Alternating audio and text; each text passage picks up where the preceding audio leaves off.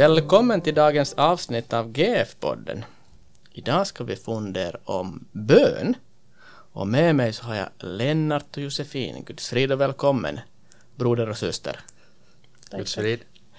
Det här, när ni hör det här ordet bön, vad tänker ni på? Jag tänker på att eh, det finns ganska olika sätt att be på. Det finns eh, å ena sidan de som befaller i Jesu namn och kanske kontrasten de som ske din vilja. Mm. Märker att det finns lite olika undervisning om bön. Jag tänker nog att, att hur trögt det ofta går att be. Mm. Ja, och att det alltid, alltid kommer någonting emellan. Mm. Jag har lite samma upplevelse som dig Lennart. Det här, det här är alltså GF-podden. Idag ska vi fundera på vad bön och, och hur vi kan be, hur vi ska be. GF-podden, en podcast i Radio LFF, en Radio LFFs podcast som riktar sig till ungdomar och unga vuxna. Och vi, ni hittar oss på Soundcloud, på Radio LFFs konto, på Anchor, Spotify, Apple Podcast, Google Podcast med mera. Så hör ni också oss på Radio LFF klockan 13 på fredagar. Reprisen kommer också på kvällen, visst var det så Lennart? Klockan 17 den här fredagen, ja. Precis. Vanligtvis är det klockan 19. Kyllä, kyllä. Eh, och ni lyssnare får gärna slänga in feedback och frågor och, och kommentarer på våra program så försöker vi ta dem i beaktande till nästa avsnitt. Men hörni, Lennart och Josefin, bön, vad är det? Nej men bön är ju nog en, en eh, kommunikation till Gud. Mm. Och ja, vi får, vi får helt enkelt komma till, till Gud med allt som vi, vi bär på, allt vad vi tänker. Och, men det är egentligen, ja alltså det här bön är ju ett väldigt brett ämne. Det finns, det finns Mm. ett sånt djup i bön som man kanske inte tänker på direkt. Mm. Eh, Att man, man kan ju tänka först att ja, men bön det är ju ett väldigt enkelt tema men Mm. att det, det har vi ju lärt sen, sen vi var barn att det handlar om Gud som haver och, och, och sånt men det finns ett djup i det. Mm. Eh, Det här uttryck, eh, gamla uttrycket att bön är hjärtats samtal med Gud, så har har jag nog f- fastnat för mig på något sätt att, att för mig uttrycker nog mycket vad, vad bön innebär. Att jag som kristen kan be till Gud, eh, tacka och lägga fram de här sakerna som oroar, oroar mig och som jag behöver. Mm. Precis. Det här bön, som Josefin sa alltså, ett brett ämne, nu har vi cirka 30 minuter på oss, så vi har inte så mycket tid, men så no, några sådana saker får vi lyft, lyft fram och ha fokus på, men, men en sak som jag har funderat på, att det är mycket, mycket som ber, eh, mycket människor som ber, eh, eh, muslimer ber och så är det vanlig liksom vanlig icke-kristna människor som ber som inte har någon som de tror på Kristus eller vad, vad är då det här kristenbön? Kan vi säga någonting om kristenbön? En stor skillnad med, med kristen bön och all annan bön är, är det att vi kristna har fått den här fina möjligheten av Jesus själv att be i Jesu namn. Mm. Och det här handlar ju egentligen om att vi kommer inför Gud som kristna eh, genom Jesus och, och hans verk. Och det här så tycker jag uttrycks väldigt fint i, i Hebreerbrevet i det här kapitel 10 och, vers 19. Där så står det att vi frimodigt kan komma, egentligen kan komma in inför Gud. Bröder, i kraft av Jesu blod kan vi nu frimodigt gå in i det allra heligaste, på den nya och levande väg som han har öppnat för oss genom förlåten, det vill säga sitt kött. Alltså i Gamla Testamentets tid så fanns det här templet och, och tabernaklet och i det allra heligaste så där så fanns Guds härlighet. Men dit fick ingen gå in förutom översteprästen en gång per år. Eh, Men som kristna så säger Hebreerbrevets författare att vi får gå in dit Mm. frimodigt Mm. på grund av, eller genom Jesu blod. Eh, och det här betyder ju att vi får, vi får komma till Gud fast vi är, fast vi är syndare, fast vi är svaga, fast vi har misslyckats, så får vi frimodigt komma in, inför Gud, be till honom i Jesu namn. Mm. Jag tänker på det här eh, Jesu under, undervisning att vi ber i, i ande och sanning. Alltså jag, tänk, jag har också funderat på det här att, att hur ska jag komma inför Gud och, och be, be till honom? Att ska jag fara någonstans på någon speciellt, på speciell plats eh, och, och liksom börja, börja samtala med Gud? Jag tänker just att det är i ande och sanning, alltså i den här sanningen som Jesus Kristus har uppenbarat, han har, han har det här öppna kommunikationen till Gud, att vi, får, vi kan be Fader på grund av att, på grund av att han har gjort, eh, gjort det möjligt för oss. Han har öppnat vägen till himlen och vi kan se Gud som en kärleksfull fader som vi alltid får vända oss till. Och, och så i ande förstås, att, han, att vi får be den i kraft av den helige ande som vi har fått till, till oss i, genom de här gudsords Någonting mer alltså där om bön? Uh, jo, det handlar ju om... Eller som jag sa då före om att befalla eller ske din vilja. Mm. Lite på det spåret att uh, det är inte riktigt sådär att... Eller ja, det finns ju lite olika syn på det. Att, att mm. vissa tänker att, ja men om att man kan befalla sjukdomar att lämna i Jesu namn. Och, och vissa då ber ske din vilja efter mm. att ber, ber för den sjuke men, men då säger ske din vilja. Lite det här handlar ju nog om, om vad vi har för gudsbild. Mm. Hur, vi, hur vi kommer inför Gud. Mm, då vi pratade tidigare så talade vi också om att det, Gud är ingen maskin som man bara befaller och inte, inte han heller en som man måste vara, vara heller livrädd för att komma inför. Men på något vis så speglar det här när vi ber någonting vad vi tror på. Mm. Absolut, och, och just det här med eh, var, liksom, var finns kraften i bönen? Uh, att ibland så kan man, kan man ju, märker man att, att, att det finns så här tankegångar om att, om att det är just det är min tro som styr uh, slutresultatet av den här bönen. Mm. Och då blir ju Gud mer eller mindre en automat som jag sätter in min tro och min bön i och så kommer svaret ut. Men, men det som jag tycker är, man märker i, i, i Bibeln också, i Jesu ord, är det att det egentligen är i Guds löften som det här kraften i bönen finns. Gud har lovat att svara på våra böner. Mm. Och Jesus säger att, att vi har en god fader och därför så vill han också ge oss det som är gott. Mm. Så och det, det, det, är alltså i, i Guds löften som det här, som den här kraften finns. Och när vi, uh, när vi ber så, så tror vi ju på de här löften som vi har fått. Mm. Att vi får be till honom och han ger till oss. Så det här med att, uh, låt oss säga nu att jag har bett för, för någon som är sjuk och det inte sker. Mm. Är det då fel på min tro? Eller är det fel på Gud? Tror jag inte på rätt sak? Va, vad är det som är fel då? Har jag inte bild för att vi ska ju be uthålligt också? För är det någonting som är fel där då? Det, det är alltid en svår, svår sak att, att så på ett allmänt sätt eh, liksom svara på de här, på de här frågorna. Uh, det, som vi, det som vi vet, som, som vi redan har nämnt, att, att Jesus uppmanar oss att be uthålligt.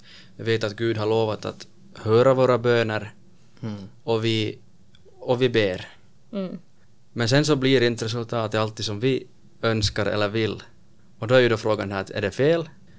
Uh, eller, eller vad är det som... Tvivlar jag? Precis, Finns det, någon, är, är, det, är det mitt fel? att vi ska be i tro? Precis, mm. är, det, är det mitt fel, är det Guds fel eller någon, någon annans, annans fel? Men det som, det som vi då utgår från är ju alltid det att vi, att, att vi vet vad som är liksom bäst. Mm. Och det, här, det är det här som är det, alltid det här svåra, att vi, vi tror att vi, vi vet bäst i den här världen. Mm. Men, men det, det, som vi egentligen vet är ju bara en liten, liten detalj. Det är någon som har jämfört det här med hur mycket vi vet och hur mycket Gud vet. Är att, att när vi ser den här världen vi lever i och när vi ser på, på allt som händer så ser vi bara en liten, liten del. Och Gud ser hela stora målningen. Vi ser bara några centimeter av den här stora målningen och Gud ser hela alltihopa. Eh, så därför så, så kan saker som vi ber om som inte sker så kan vi uppleva som att Gud inte hör vår bön. Eh, men sen, eh, senare kan vi märka att nu har Gud hört, men han har inte gett det som jag har bett om, utan han har gett mm. någonting annat. Och, och, och det finns många människor, och också jag har sådana saker som jag har bett om, eh, som inte hände. Men sen efterhand så, så har andra saker hänt som, som jag har fått tacka Gud för. Mm. Så att det på något sätt, så, så som jag, jag har förstått det här så är det nog vårt perspektiv som lite behöver, behöver liksom vidgas. Men det, det är absolut svårt, speciellt när det gäller svåra saker, så är det nog svårt att liksom eh, riktigt förstå varför inte någonting händer. Mm. Och sen tänker jag ju på det här också att Gud har ju inte heller eh, lovat oss ett, ett liv som är eh, bara liksom fest och, och party hela tiden. Att, Mm. att det, är nog, det är nog Guds vilja att vi ibland ska lida. Eller? Säger ni på, emot det? på ett sätt kan, håller jag helt med dig, för att i Bibeln så lo, lovas, sägs det ju att Guds vilja är att alla ska bli frälsta. Det är Guds vilja med vårt liv, vi ska bli frälsta. Eh, och få ett evigt liv. Eh, och det här perspektivet ju kanske inte alltid har som främsta perspektiv när vi ber. Vi kanske glömmer bort det ibland, att det är det som är vårt stora mål. Eh, så då kanske eh, därför kanske Gud inte heller ger oss precis det som vi nu i den här specifika stunden ber för, för att det i, med det här slutmålet i tankarna inte är bra för oss. Mm. Jag, tänker, jag- jag börjar tänka på det här, här nu, liksom Guds bild och eh, just det här vad som är centralt i, i den här bönen alltså. Eller centralt i på vilket sätt vi kommer inför Gud. Alltså vi kommer i, Jesus Kristus, i det här som är så att säga vår, vår viktigaste vår viktigaste sak, att vi, vi, vi har fått ta del av försoningen i Jesus Kristus. Det här får liksom alltid vara vår eh, Det här får vi prioritera alltid också i vårt böneliv, att vi förstår att vi är en syndare som kommer inför Gud. Och en sån förklaring till böner är som en fågel och ena vingen är min hjälplöshet. Att jag, är, jag märker att jag är hjälplös, jag, har, jag behöver hjälp med någonting och då, då far jag till honom som kan hjälpa mig och det här, och det här är det här få- bönefågelns andra vinge, alltså Guds allmakt. Jag som är hjälplös far till honom som kan göra allt. Och sen får jag så att säga överlämna åt honom det här så att säga resultatet eller, eller han, ser, han har perspektiv, han ser vad som är bäst och det här förstår vi också utifrån Fader vår-bönen, ske din vilja. Så vi behöver alltså förstå vår egen litenhet och, och veta när vi ber att vi kommer inför en helig Gud. Mm. Och, och med det perspektivet också som vi talade om att man, man kan be fel men att man behöver inte ändå vara rädd för att komma inför Gud. Mm. Att vi, kan, vi kan ju hamna, vi människor har en tendens att falla i lite olika gropar. Att å ena sidan så kan vi bli den här som då ställer krav på Gud att nu, nu ska du göra så här och så här och så här och när jag ber i en viss formel så då eller upprepar tillräckligt många gånger så gör han som jag ber. Eller sen är jag livrädd för att komma inför Gud för att jag är, är, är rädd att jag har förstått att han är en helig Gud som straffar och dömer. Ja, Att man, man behöver ha det här pers rätta perspektivet. Men vem är Gud som jag kommer inför? Man ser sin egen brustenhet, sin egen synd och litenhet. Och, Ja, och just det här att, att med vad vi ska be om och, och, och vad vi behöver be om, så tycker jag det äh, jag tyckte det har varit intressant att lägga märke till vad Jesus verkligen säger att, att vår fader vet vad vi behöver innan vi ber om det. Det säger han på ett ställe. Och Martin Luther när han utlägger äh, bönen Fader vår i Lilla katekesen så skriver han så här att egentligen om flera av de här bönerna i Fader vår, att Gud redan vet om det här. Så här skriver han om vårt dagliga bröd giv oss idag. Vad är det? Gud ger dagligt bröd även utan vår bön, också åt onda människor. Men vi ber i denna bön att han ska låta oss inse detta och så ta emot vårt dagliga bröd med tacksamhet. Alltså Gud ger, ger oss dagligt bröd, han, han ger det som vi behöver för, för dagen, fast vi inte ber om det. Och det här märker vi ju hela tiden i vårt liv. Mm. Vi har ju så, så mycket så, vi har mat, vi har kläder, vi har skor, vi har hem och så vidare och så vidare.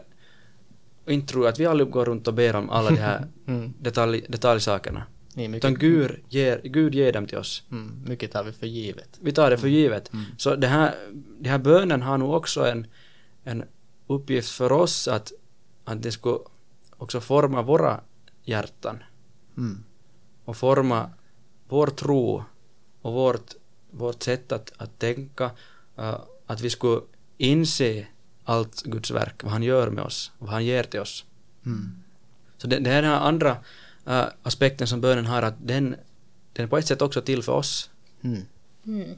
Jag tänkte, det här var som vi, vi talade tidigare om, någonting som jag glömde bort i sig, om, om det här tro och, och bön och speciellt kanske med att om man, då man tänker att man måste ha uh, we, we don't pray in faith läste jag på en, en sida som jag annars tycker att är, är tillförlitlig och så här som, som en orsak till varför inte Gud hör på bön.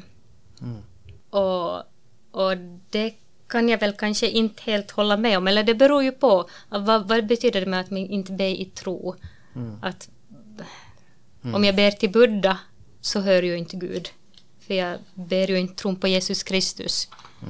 Det var en, en kvinna som uttryckte det så här att, att, eh, att be i tro så är det att komma till Gud oavsett om jag tror att det kommer att hända eller inte. Att jag kan be för dig Riki fast du är, jag tror att, nej men du, låt oss säga att du är sjuk.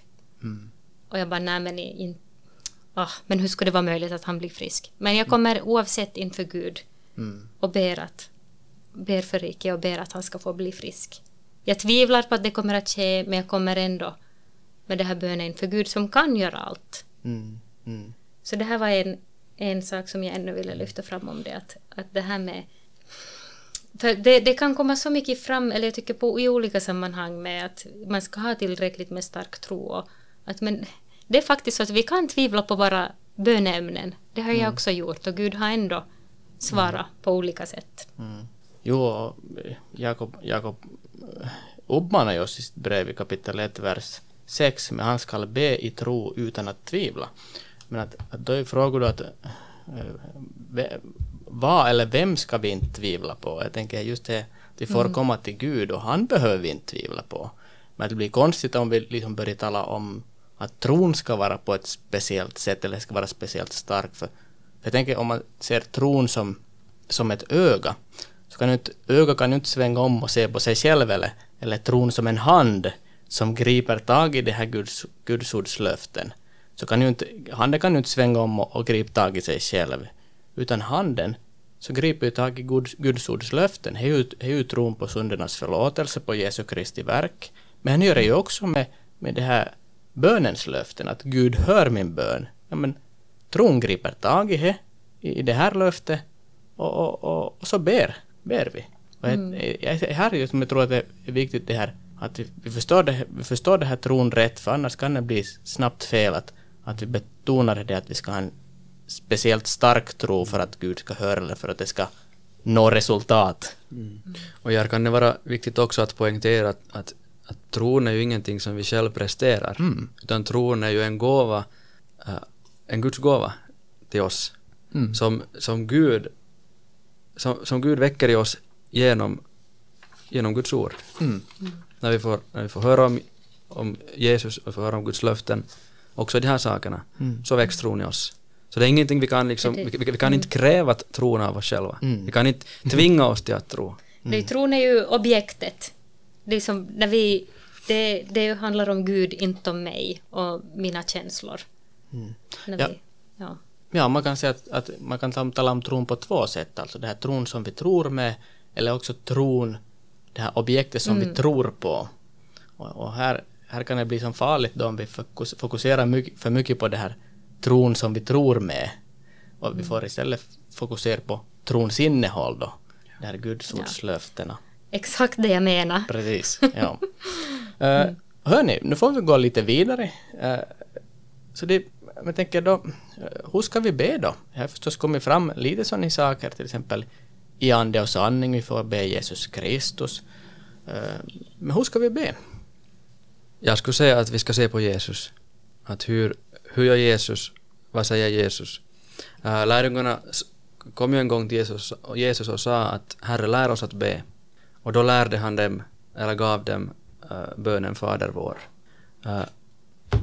Och det, det andra vi kan, vi kan se på är hur Jesus själv ber. I, framförallt i Lukas evangeliet så berättas det ganska mycket om, eller på flera ställen om, om hur Jesus gick undan och bad. Alltså for i, i sin ensamhet och bad. Ibland tog han också med sig lärjungarna och bad tillsammans med dem. Men han for bort från den här folkhopen. Och det berättas också på ett ställe att han bad hela natten.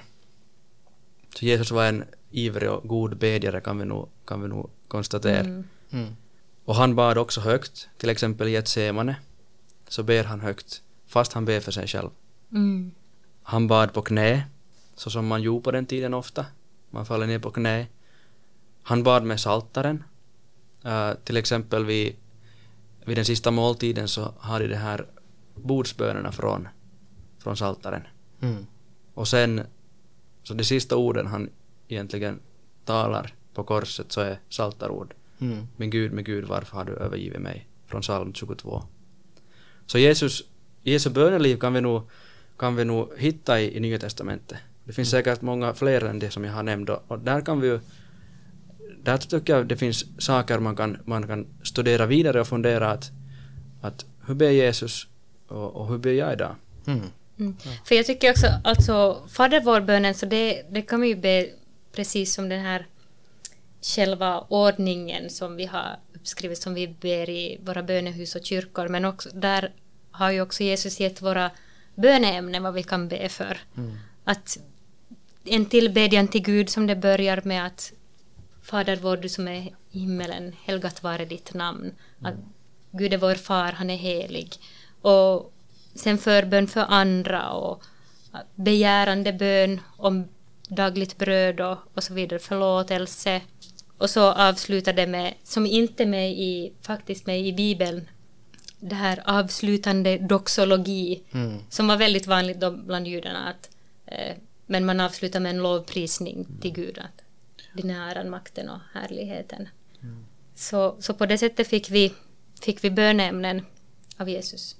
Är precis som du säger att den, den, Fader vår bönen är ju, är ju nog en fullkomlig bön på det sättet att, Mm. att den tar aldrig, alltså det, är aldrig fel att be den. Mm.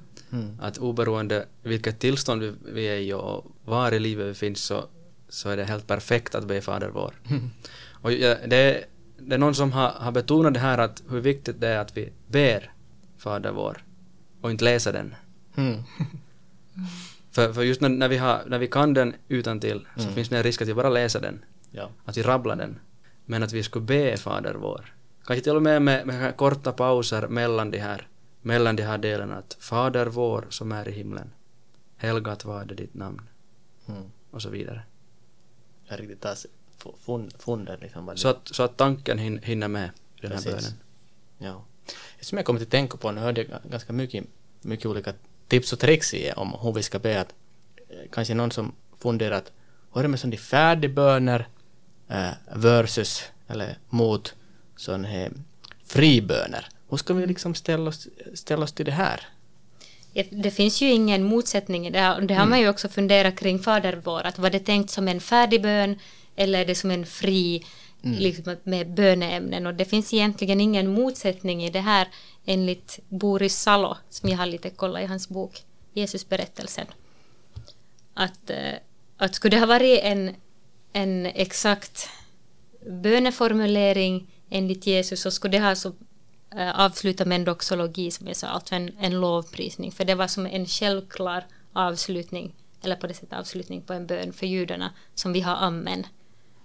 Eh, så på det sättet behöver man inte tolka det att det är endast menad som en, en färdigformulerad bön. Men där är det ju nog inte heller fel att tänka att man kan be färdigt formulerade böner. För det gjorde ju nog judarna också, Jesus själv. Mm. Böne, alltså saltaren använder de ju. Precis, vi ser ju det här riklig användning ändå av färdigböner i Nya Testamentet, till exempel på vilket sätt eh, Nya Testamentet citerar Saltaren och så, så har man också märkt att den här grekiska översättningen av Saltaren, Septuaginta, så det finns mycket kopior av det under, under det här Jesu tid och det tyder också på att det har blivit som använd i det här böne, bönelivet, det här judiska bönelivet. Att det här färdig, färdigbönerna fanns var ändå ganska vanliga. Och hur ska vi ställa oss till det här då? Fär- Färdigböner?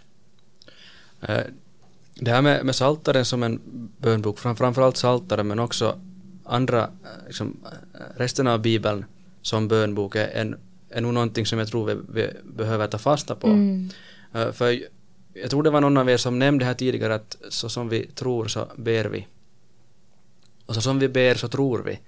Att om vi, om vi börjar be med Bibelns eget, eget ord Mm. så kommer det också att forma, forma vårt sätt att tro, vår, vårt sätt att tänka och, vårt sätt att be när vi sen ber våra fria böner. Mm. Uh, så därför så, så är det, det är ett väldigt bra och fint sätt att, att uh, ska vi säga, bli styrkt i sin tro, att fördjupas i sin tro, uh, att be med till exempel Saltarens böner. Mm. Och dessutom så, så talas det flera ställen i, Nya Testamentet om att det, om, eh, att det är Jesus som säger de här sakerna i Psaltaren. Till exempel i, i Hebreerbrevet så, säger det att, så står det att Kristus säger och sen så citerar det Psaltaren. Så, Je, så Jesus, man, man ansåg i Nya Testamentets tid att, att Psaltaren är, Jesu, är egentligen Jesu ord, Jesu bönbok. Eh, För han, han bad också de här bönerna och han använde dem. Så när vi, när vi ber Psaltaren idag så ber vi tillsammans med Jesus. Och det är ju verkligen att be i Jesu namn. Vi ber tillsammans med Jesus. Och jag tycker att precis det här som du säger, så, så det här fick jag lära mig på, på bibelskolan, att, att be utifrån bibeln och se lite också hur till exempel Paulus bad och, och, och använda också saltaren. Och det tycker jag har verkligen fördjupat mitt, mitt böneliv, eller min bön till Gud. Och, och det, men det kom ett, ett till lager, en, en till djup här som till, till min bön. Och, och jag har börjat med någon, en sådär relativt ny um, rutin på morgonen.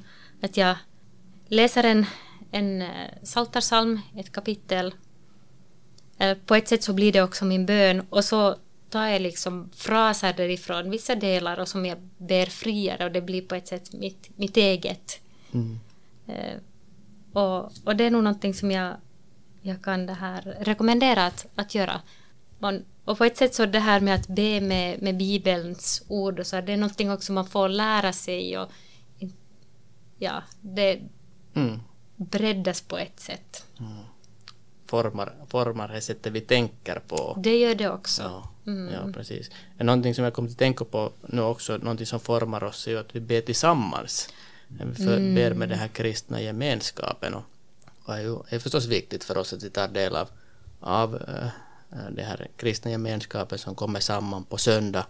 För där så, så kommer ju mycket fin saker fram och, och vi, vi som tror, tror på en apostolisk kyrka och, och tar del av en apostolisk kyrka så, så där bönen vår så, så sammankopplas ju då till den här apostoliska tron, den här bibliska tron och där får vi förstås undervisning och kanske också lite sån här äh, praktiska tips på hur vi kan bygga upp bönelivet i, i vardagen. Där så ber vi för saker, vi har förbön och, och där tar vi del av Guds ord och där är ju förstås fin saker som vi alltid kan ta med oss hem och, och göra. Josefin delar lite sån här egna böneerfarenheter. Har du Lennart någonting som, som du skulle säga om dina bönerutiner? Mm, Det som jag försöker be också är nog egentligen ganska lika som du Josefin berättade att jag, jag försö- försöker också be, be en salta, sa- salta psalm äh, och också be äh, trosbekännelsen. Mm. På vilket sätt gör du det?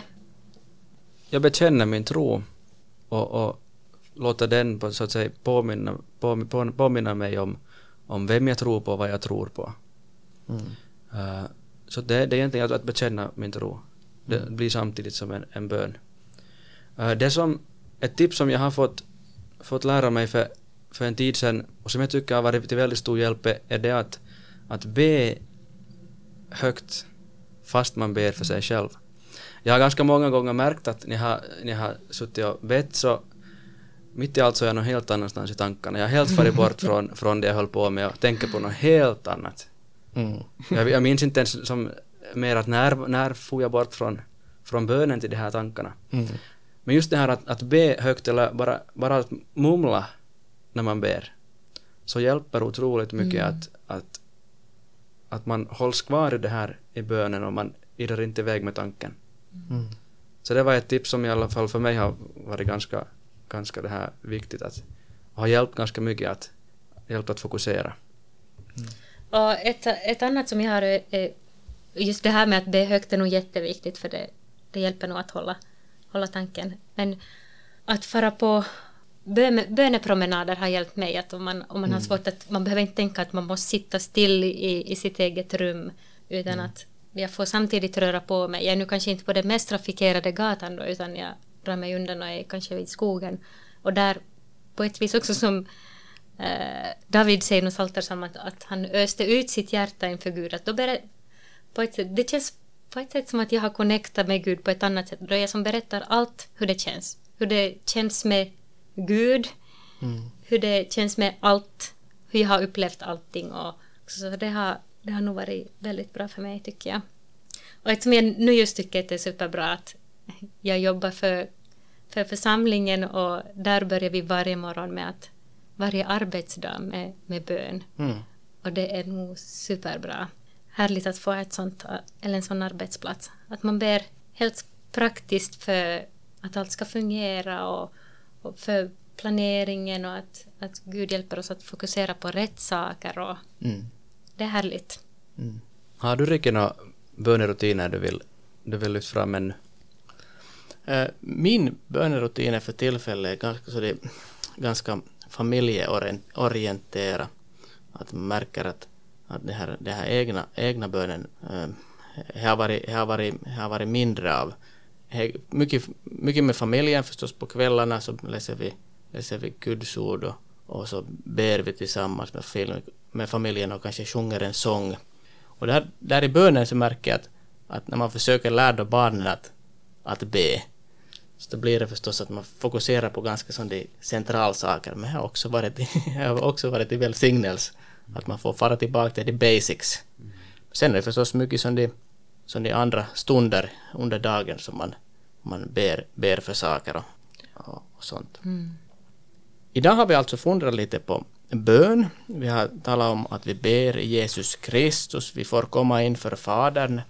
Han som har sänt oss sin son för att dö för våra synder skulle få frimodigt komma inför honom. Vi har diskuterat lite om, om hur vi kan be. Eh, innan vi avslutar så har ni någon sån här utmaning eller fråga till lyssnarna? Eh, ja, det här också som vi pratade om att be högt, fast det kan kännas lite, vet inte, konstigt i början. Mm.